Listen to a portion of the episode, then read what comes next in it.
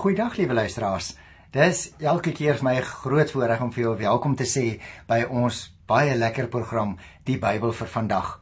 Ons is mos besig om die Bybel deur te werk van Genesis tot Openbaring. Doen soms so een of twee boeke uit die Ou Testament en dan vir afwisseling doen ons 'n boek uit die Nuwe Testament. En ons het maar nog eintlik so pas begin met ons nuwe reis deur die boek Handelinge. Ons gaan uiteindelik so die Here wil 36 keer met mekaar gesels in verskillende programme oor die boek Handelinge. Iemand vra vir my op pad hier na die ateljee toe, maar uh, jy het so vinnig gepraat die vorige keer oor die kiesing van die nuwe diaken. So miskien moet ek net nog ietsie daaroor sê voordat ek begin met Handelinge 2, want jy sal onthou Handelinge 1 het afgesluit met die opmerking hulle het geloot. Dit is nou daardie apostels, hulle het geloot. En die loting het vir Matthias aangewys en so staan daar is hy gekies as die 12de apostel. So ek wil tog daaroor iets sê. Ek is bly oor die vraag uh wat julle soms uh vir my so in die loopgange vra, maar partykeer ook uh vir ons skryf in briewe. Julle is altyd baie hartlik welkom. Jy moet onthou, liewe luisteraar, die Here Jesus het 12 disippels uitgekies. En die getal, interessant, was natuurlik ooreenstemmend met die 12 stamme van Israel. Gaan kyk maar daar in Lukas 22 uh by vers 30 wat ons ook al behandel het. Lukas beskou hierdie 12 eintlik as 'n geslote groep en hy gebruik uh baie interessant die apostel titel net vir hulle. Nou van selfspreekend natuurlik is dus dat daar 'n plaasvervanger vir Judas gekies moes word. Petrus lei die noodsaaklikheid hiervan af uit die skrif want daar staan dus Die kwalifikasies in die werk van 'n apostel word ook daar genoem. Hy moet getuig van Jesus se lewe en veral van sy opstanding en van sy hemelvaart. Daarom moet hy alles beleef het wat Jesus van die begin af tydens sy openbare bediening op aarde gedoen het en wat alles met hom gebeur het. Daarom die verkiesingsprosedure moes ook 'n demokratiese inslag hê want al die aanwesiges as jy daai 23ste vers lees in Handelinge 21 is betrokke by die voorstelling van die twee name.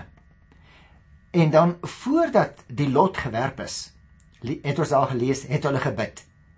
Liewe luisteraar, dit is een van die weinige gebede in die Bybel uh, wat hier gerig is tot Christus die Here. Die woordjie die Here. Is baie interessant, ek wil dit net uitwys. Want met die lot word die keuse aan Christus oorgelaat omdat hy weet wat binne in die mens is. Die bedoeling van die lot is dus dat Christus die een moet aanwys wat hy reeds uitgekies het. In die 25ste vers die woordjie plek is interessant uh wat in die Griekse taal gebruik word, het 'n uh, interessante woordspeling in die Grieks met Judas se plek hier onder die apostels met antwoorde sy plek waar hy hoort met antwoorde hierdie persoon wat hier gekies word moet kom staan in 'n plek waar hy hoort waar die Here hom wil hê. En dan staan daar net baie kortliks hulle het geloot. Op watter presiese wyse weet ons nie. Wat wel belangrik is is dat hulle ernstig tot die Here gebid het omdat hulle nie self tot 'n beslissing wil kom nie en hulle op 'n tweetal persone moes besluit En daarom word dit ook soms nog vandag deur Christene toegepas. Nou kom ons eintlik by vandag se gedeelte. Ek het nou so 'n bietjie tyd gesteel. Uh wat handel oor die uitstorting van die Heilige Gees. En liewe broer en suster, ek gaan vandag 'n uh, korter gedeelte behandel. Ek gaan net 13 versies behandel omdat ek eintlik baie graag redelik in detail oor hierdie uitstorting van die Heilige Gees met julle wil gesels. Ter inleiding wil ek dit sê. In Die eerste hoofstuk van Lukas het hy vertel hoe die apostels voorberei het vir die sendingtaak. Dit is ook hoekom ek nou hier teruggegaan het vir 'n oomblik na die aanwysing van nog 'n apostel. Ehm um, en die wyse waarop die uitstorting van die Heilige Gees nou vir ons vertel gaan word, maak dit vir ons duidelik dat ons hier te doen het met die begin van die wêreldsending. Jy sien, die vervulling met die Gees lei direk daartoe dat die apostels Jesus begin verkondig. En broers en susters, ek wil dit by voorbaat al sê, die vervulling met die Heilige Gees gaan hoofsaaklik daaroor dat die Heilige Gees ons rig op die Here Jesus. Ons moet versigtig wees in ons tyd dat ons ander dinge daarin lees, want die Heilige Gees se primêre taak is om Jesus Christus te verheerlik. Jy sal dit ook weer gaan sien in die gebeure. Daar is ander dinge van die spreekentale en gebede en wonderwerke. Alles wat baie baie belangrik is. Dit kan nie gebeur sonder sonder die leiding van die Heilige Gees nie.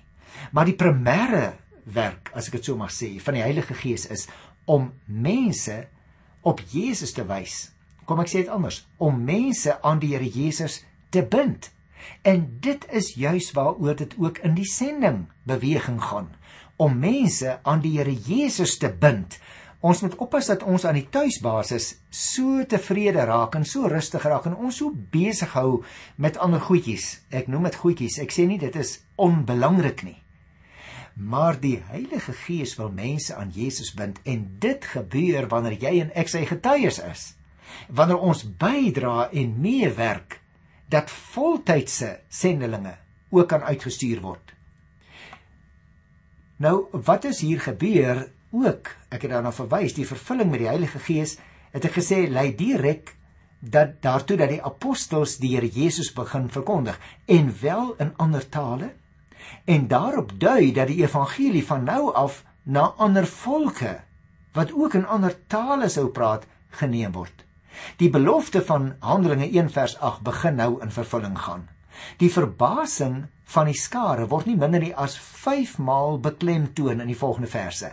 In vers 6 en vers 7 en vers 12. Die ingrype van God verbaas mense. En ons moet dit ook opmerk in hierdie eerste 13 verse van Handelinge 2. Jy sien, 'n uh, broer en suster, die Pinksterfees is 50 dae na die Paasfees gevier. Ons doen dit vandag ook nog so. Dit is ook die Oesfees of die fees van die oes of soms ook die fees van die weke genoem. Dit was naamlik een van die drie belangrikste feeste van die jaar. Ek het dit met julle bespreek toe ons Levitikus behandel het kyk veral na Hosea 23 in Levitikus by vers 16. En die doel daarmee was om vir die Here dankie te sê vir die oeste wat ingesamel is. Die Here Jesus is dus met die Paasfees gekruisig en het volgens Handelinge 40 dae later na die hemel toe opgevaar. Die Heilige Gees is toe weer 50 dae na die kruisiging en 10 dae na sy hemelvaart oor die gelowiges uitgestort laat ek dit net weer oor sê, liewe luisteraars, die Here Jesus is gekruisig. En dan eers 40 dae later het die hemelvaart plaasgevind. En 10 dae na die hemelvaart het die uitstorting van die Heilige Gees plaasgevind. Anders gesê, die Heilige Gees is 50 dae na die hemelvaart uitgestort. Maar ek noem dit maar net so interessantheidshalwe dat ons net ons ons tye kan regkry. Nou, daar was natuurlik baie Jode uit verskillende lande rondom die Middellandse See veral in Jerusalem bymekaar vir hierdie Paasfees. En daarom is Petrus se boodskap gehoor deur mense van oor die hele bekende wêreld van die antieke tyd. En dit het daartoe gelei dat die eerste mense wat tot die Christendom bekeer is, oor die hele bekende wêreld versprei is, toe hulle teruggegaan het na hulle lande van herkoms. Daarom die eerste vers. Toe die dag van die Pinksterfees aanbreek, was hulle almal op een plek bymekaar. Dit die Pinksterfees, onthou nou, dit is die Joodse oesfees 50 dae na die Paasfees en al die volgelinge van die Here Jesus is nou bymekaar. Vertel die eerste vers vir ons. Die Gees gaan naamlik alle gelowiges getuies van die Here Jesus maak nie meer net hierdie mense nie, maar alle gelowiges daarna gaan as dit ware gestempel word, vervul word met die Heilige Gees. Die tweede vers vertel vir ons Skielik was daar 'n geluid uit die hemel, soos van 'n geweldige stormwind, en dit het die hele vertrek gevul waar hulle gesit het. Nou hierdie eerste teken van die koms van die Gees is iets soos die geluid van 'n geweldige stormwind na staan wat die hele vertrek vul. Luisteraars, dit dui op die geweld van die Gees wat die gelowiges geheel vol gaan maak om die hele wêreld te vul met die Jesus boodskap. En daarom is dit vir ons wonderlike gebeure. Luister na die derde vers. Hulle het ook iets soos vuur gesien. Let op nie vuur nie, maar iets soos vuur gesien wat in tonge verdeel en op elkeen van hulle gekom het. Nou mag jy miskien vra, waarom word daar van hierdie vier tonge gepraat? Vier, liewe luisteraar, is die simbool van God se suiwerende teenwoordigheid. Dink maar aan die brandende bos, daar waar Moses gestaan het in Eksodus 3 vers 2. Of in Lukas 3 by die 17de vers het ons ook gehoor dat Johannes die Doper voorspel het dat daar een sou kom wat met die Heilige Gees en vuur sal doop. En hier is die vuur en die wind natuurlik die simbool van die Gees se krag. Die feit dat dit verdeel en op almal neerdal, is 'n duidelike teken dat God se teenwoordigheid nou beskikbaar is aan elkeen wat in hom glo. Daarom is die vuur 'n aanduiding van die hemelse glans en die heerlikheid van God as jy wil. Die vuur verdeel in tonge, soos ek nou net gesê het, 'n sinspeling daarop dat die Gees die menslike tong ook in beweging wil bring. Dis interessant want uh, ons moet onthou dat die woord wat soms vir tonge spraak gebruik word, ehm uh, beteken juis dat die tonge losgaan. Dat mense in ander tonge kan begin praat. En daarom moet ons ook die gebeure op Pinksterdag met die uitstorting van die Heilige Gees baie versigtig wees om dit net so te herhaal, want daar is nog steeds tonge spraak. Dit is juis 'n gawe van die Heilige Gees. Maar ons kan nooit Pinksterdag herhaal nie, want die Heilige Gees is in sy volheid op Pinksterdag uitgestort en het inwoning kom neem in die lewens van die Christus gelowiges. Kom ons kyk na vers almal is met die Heilige Gees vervul en hulle het in ander tale begin praat soos die Heilige Gees dit aan hulle gegee het om onder sy leiding te doen.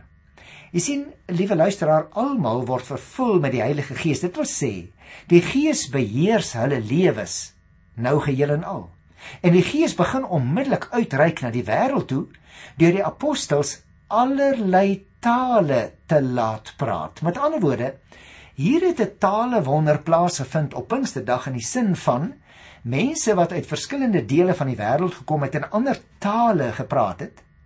Hoor nou hoe die apostels wat eintlik hoofsaaklik Hebreëus of Aramees gepraat het, in tale praat wat hulle nooit geleer het nie. Ek gaan nou net daarby terugkom want dit was juis om ook daardie mense wat nou teruggaan na hulle lande van herkoms te help sodat hulle die evangelie kan hoor. Dit was tale wat destyds bekend was en is dus nie dieselfde as die onverstaanbare ongewone tale of klanke waarvan ons in 1 Korinte 12 en in 1 Korinte 14 lees nie. Ons het dus hier te te maak, liewe luisteraars, met 'n talewonder en ook 'n gehoor wonder, gaan nou nou daarby terugkom. God het op hierdie groepie gelowiges op 'n baie skouspelagtige manier van sy teenwoordigheid bewus gemaak. Daar was geweldige wind, vuur tonge, die Heilige Gees. Luisteraar, het jy ooit daaroor gedink? Sou jy graag wou hê dat God hom op 'n baie duidelike manier aan jou moet openbaar? Miskien moet jy waak daarteenoor om nie jou eie verwagtinge op God te wil afdwing nie. Onthou 'n bietjie. Elia, die groot Ou Testamentiese profeet, het ook 'n boodskap van God nodig gehad. Daar was 'n baie sterk wind, 'n aardbewing en toe 'n vuur. Maar God se boodskap is in die sagte fluistering van die wind aan hom oorgedra. Jy sien, God werk soms op 'n baie dramatiese manier in 'n mens se lewe. Soms praat hy deur influistering met 'n mens. Wees geduldig Ondersoek die woord van die Here. Luister altyd goed sodat jy goed die stem van die Here kan verneem. Nou hierdie mense het skielik ander tale begin praat en so die aandag van almal wat vir die fees in Jerusalem byeen was vasgevang. Die Gees begin onmiddellik uitreik na die wêreld toe deur die apostels allerlei tale te laat praat. Dis wel tale wat destyds bekend was en daarom het ek gesê nie presies dieselfde as die glossolalie of die tongespraak van 1 Korinte 12 en 14 nie. Ons sou albei egter onder die term glossolalie kon tuisbring omdat in albei gevalle die taal nie binne die vermoë van die spreker was nie. Wanneer Paulus oor die gebeure in Korinte praat byvoorbeeld, ontken hy nie dat dit 'n manifestasie van die Heilige Gees is nie, maar hy meen tog dat daar nie so baie hoë waarde daaraan geheg moet word nie. Die inhoud van wat gepraat word is belangriker as die manier waarop dit gesê word. Die toets is of dit werklik getuienis is aangaande Christus. Gaan kyk gerus weer in 1 Korinte 14 en ook in 1 Johannes 4 vers 1. Jy sien luisteraar, die blote feit van die spreek in tale is nog geen bewys van die teenwoordigheid van die Heilige Gees nie. In die huidige konteks dui dit op die magtige werk van God en die verskeidenheid tale dui daarop dat Lukas dit rapporteer as 'n aanduiding dat die koms van die Gees dien as voorbereiding vir die wêreldwye verkondiging van die evangelie. En daarom haas ek my na die 5de versie toe. En hier in die 5de vers lees ons: Daar het godsdienstige Jode uit al die nasies onder die son in Jerusalem gewoon. Jy sien, die Jode wat vroeër aan al die lande van die destydse bekende wêreld gewoon het en dus daardie tale gepraat het, kon hulle om godsdienstige redes in Jerusalem kon vestig. En nou kry hulle deel aan hierdie geweldige gebeure. Hulle hoor die gelowiges praat en hulle kan verstaan. Want luister nou by vers 6. Toe die mense die geluid hoor, het 'n groot skare saamgedrom. En omdat elkeen gehoor het, luisteraars, lyk luister mooi na hierdie opmerking. En omdat elkeen gehoor het hoe daar in sy eie taal gepraat word, het hulle nie geweet hoe hulle dit het nie. Hulle het gehoor elkeen hoe daar in sy eie taal gepraat word. Dit lyk dus vir my, liewe luisteraar, hier was 'n talewonder wat die apostels in staat gestel het om in tale te praat wat hulle nooit geleer het nie. Maar hier was skynbaar ook 'n gehoorwonder. Want hier staan in die tweede deel van vers omdat elkeen gehoor het hoe daar in sy eie taal gepraat word. Dit lyk dus vir my dat wanneer 'n persoon gepraat het in 'n taal wat hy nie geleer het nie, kon verskeie van die Jode wat daar staan in hulle eie taal en ook die ander mense wat daar gestaan het in hulle taal gepraat het. Ons het dus hier skynbaar lyk dit vir my, liewe broer en suster, met iets wat wat anders is as wat ons gewoonlik dink. Hier was 'n talewonder en 'n gehoorwonder om dadelik die evangelie uit te kry na die besoekers wat uit ander lande met ander tale gekom het dat hulle kan terugkom en die woord gaan uitdra. Wat iets anders is as wat ons gewoonlik onder tongespraak verstaan en waarvan ons lees in 1 Korinte 12 en in 1 Korinte by die 14de hoofstuk. Ons moet dan ook versigtig wees as Christus gelowiges, liewe luisteraars, dat die Christendom beperk word tot enige ras of groep. Dit kan nie gebeur nie. Christus bied aan almal verlossing en ras of volksverband het absoluut niks daarmee te maak nie. Die besoekers in Jerusalem was verras, kan 'n mens verstaan, toe die apostels hulle in hulle eie taal aangespreek het. Dis ook te verstaan. Maar hulle moes uitvind dat God op allerlei wonderlike maniere werk om te verseker dat die evangelie oorgedra word. Hy gebruik baie tale en hy roep talle mense daartoe om hom te volg. God praat ook met jou, liewe luisteraar. Wat jou ras of jou taal of jou volksverband ook al is, hy praat met jou ook vandag oor die radio oor die evangelie van Jesus Christus. Ons lees dan ook baie interessant hier van vers 7 af. Verras en verbaas sê hulle toe. Die mense wat daar praat is tog almal Galileërs. Bedoelende, daai ouens praat 'n spesifieke taal wat gewoonlik 'n vermenging was van Grieks en Hebreëus. Hulle sê daardie mense wat daar praat is tog almal Galileërs. Hoe hoor elkeen van ons dan sy eie moedertaal? En dit bevestig nog 'n keer wat ek gesê het, ek dink hier staan luisteraars, mense wat sekere tale nie geleer het nie, het vreemde tale gepraat, aardse, werklike bestaande tale sodat ander mense kon verstaan. Ons lees dus hier in vers 6 tot 8, as ek dit mag saamvat, die geluid wat die mense gehoor het laat hulle saamdrom. Hulle was verbaas om te hoor hoe God in hulle elkeen sy eie moedertaal laat verstaan wat daar gesê word.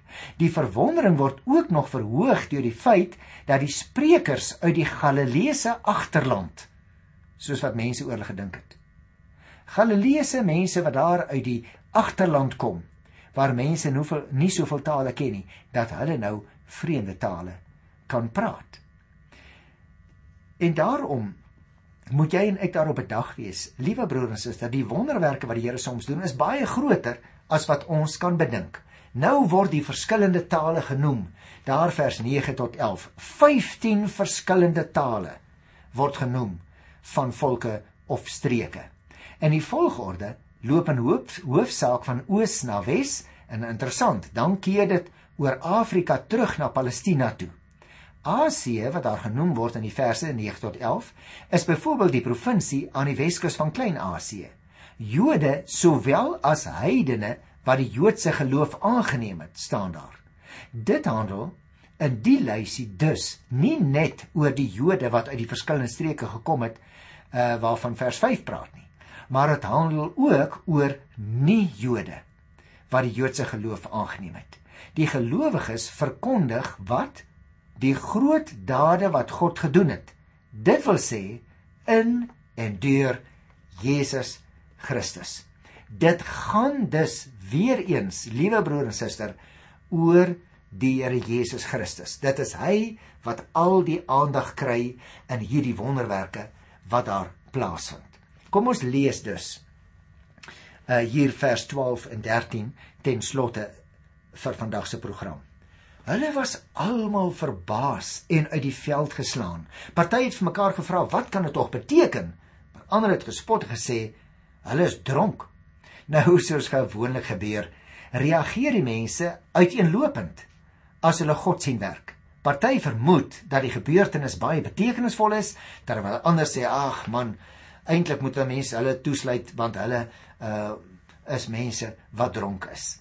Ek wil saamvat uh liewe luisteraars want ons het hier eintlik 3 tonele wat ons vandag behandel het. Die eerste toneel was in vers 1 tot 4. Pinkster in Jerusalem.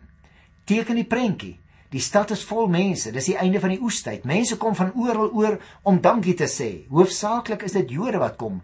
Maar hierdie oggend So gaan ons volgende keer hoor in die 15de vers is daar baie mense saamgetrek. Maar hoe sou hulle tog kon weet dat God op sy eie manier op hierdie dag ook sou dankie sê vir die voltooide werk in Christus? Nou, waar dit alles presies gebeur het, dis nie vir ons duidelik nie. Uh die een plek van vers 1, die hele vertrek van vers 2, die groot skare van vers 6 dui daarop dit was miskien in 'n tempel of in 'n gebou op die tempelterrein of selfs in die tempel self. En toe begin die Here sy gees uitgiet.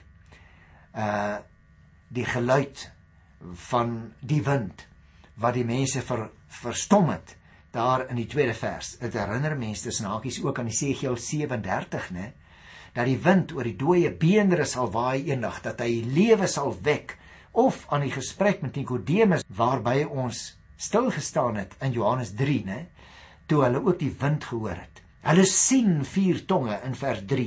Die mense begin praat in ander tale vers 4. So dit is die eerste prentjie.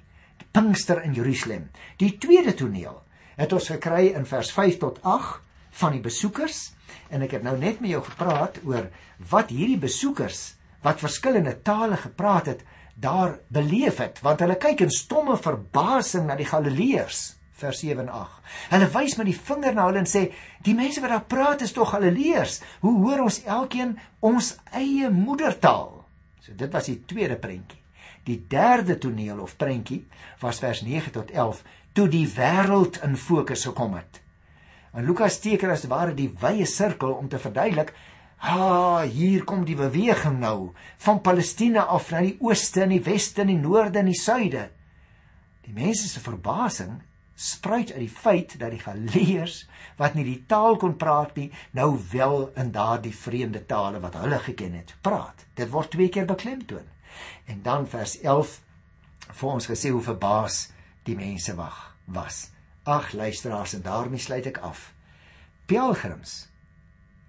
Mense wat op pad is na die groot dag van die Here soos jy en ek, kan maar net getuig.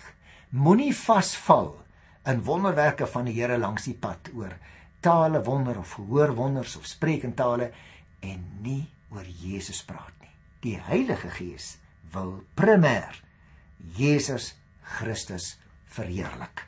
En op daai wonderlike en positiewe noot groet ek jou in sy naam tot volgende keer. Tot dan. Totsiens.